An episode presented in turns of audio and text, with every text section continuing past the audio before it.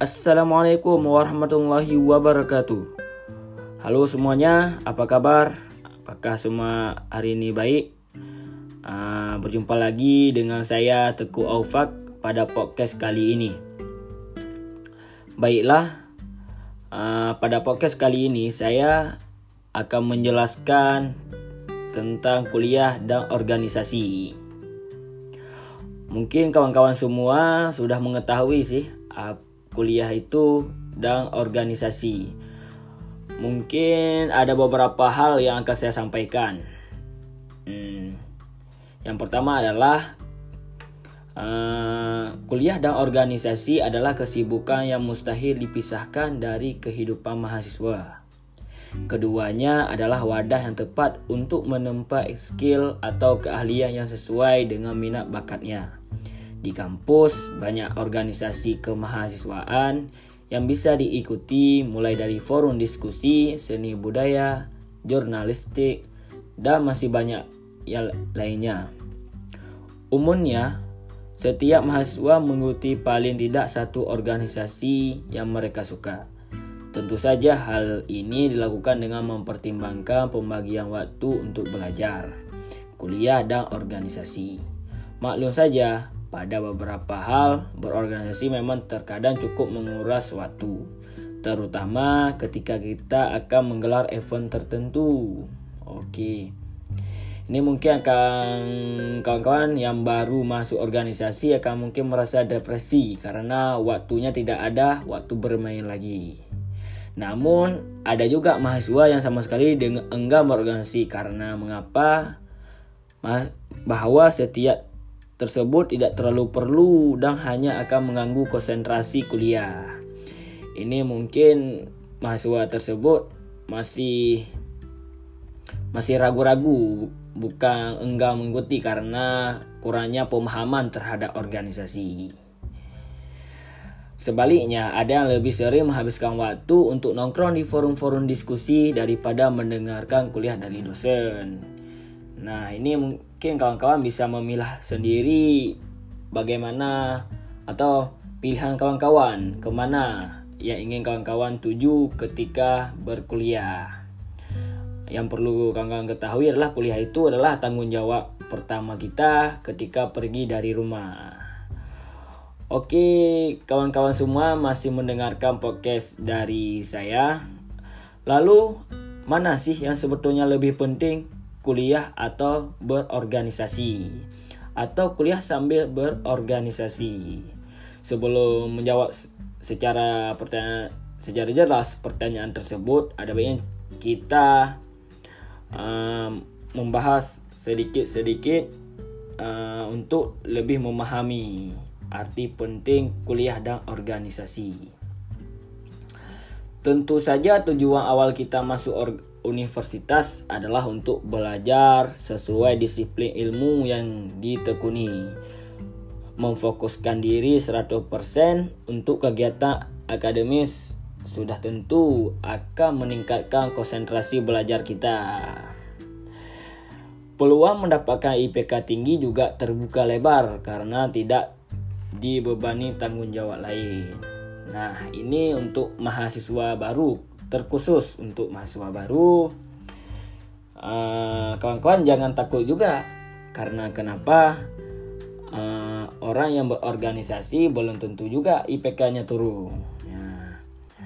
mahasiswa yang berprestasi secara akademik biasanya punya peluang lebih besar untuk mendapat beasiswa baik dari kampus atau sponsor luar kampus. Nah inilah kawan-kawan manfaat ataupun manfaat fokus kuliah.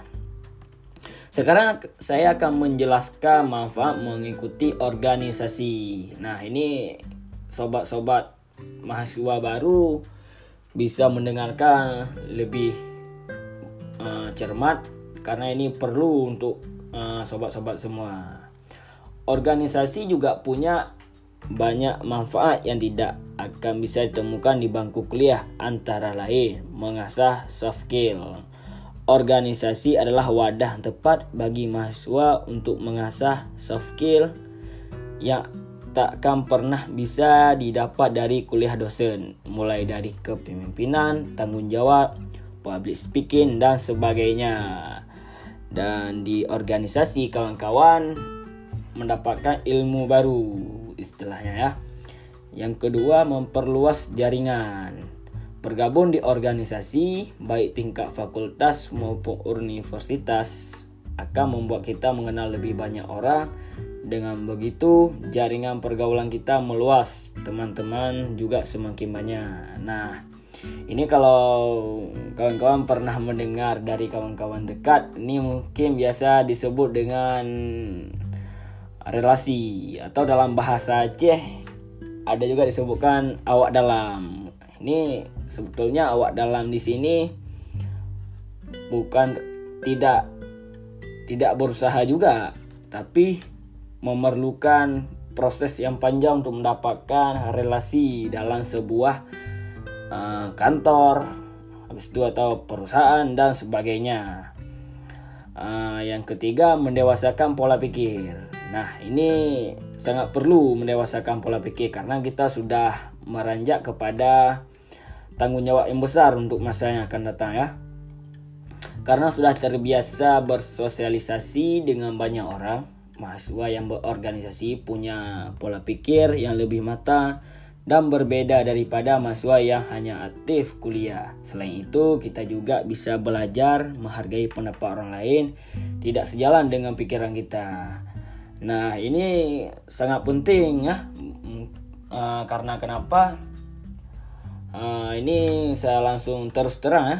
Karena ketika kita pulang ke kampung kita biasa uh, mungkin orang-orang di kampung nanti tidak tahu kita karena uh, mungkin kita nanti bisa jadi pak kecil di sana karena kita tidak mempunyai mendewasakan pola pikir sehingga kita tidak bi bisa memahami situasi masyarakat di desa yang kita sedang kita pimpinkan. Jadi ini sangat perlu ya untuk berorganisasi.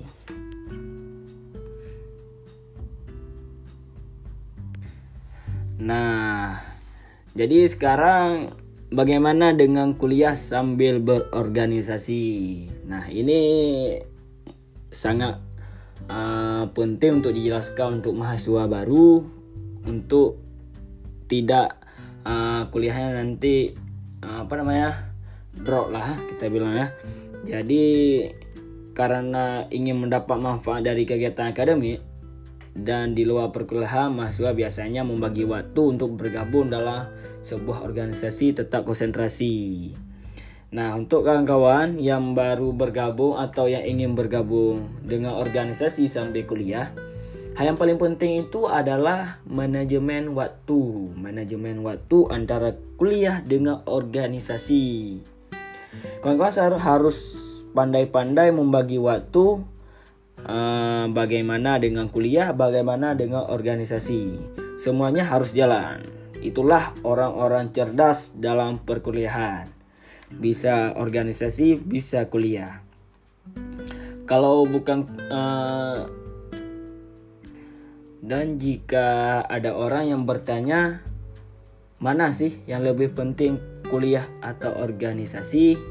Kedua-duanya penting karena Keduanya menyediakan disiplin ilmu yang akan bermanfaat bagi pencapaian karir mahasiswa ketika lulus nanti. Sedangkan soft skill yang diperoleh selama mengikuti organisasi juga akan menunjang kehidupan si mahasiswa ketika terjun di tengah masyarakat. Maka tidak heran selain ber-IPK tinggi, syarat lain yang wajib dipenuhi setiap pelamar beasiswa adalah keaktifan berorganisasi dan pengabdian dirinya kepada masyarakat.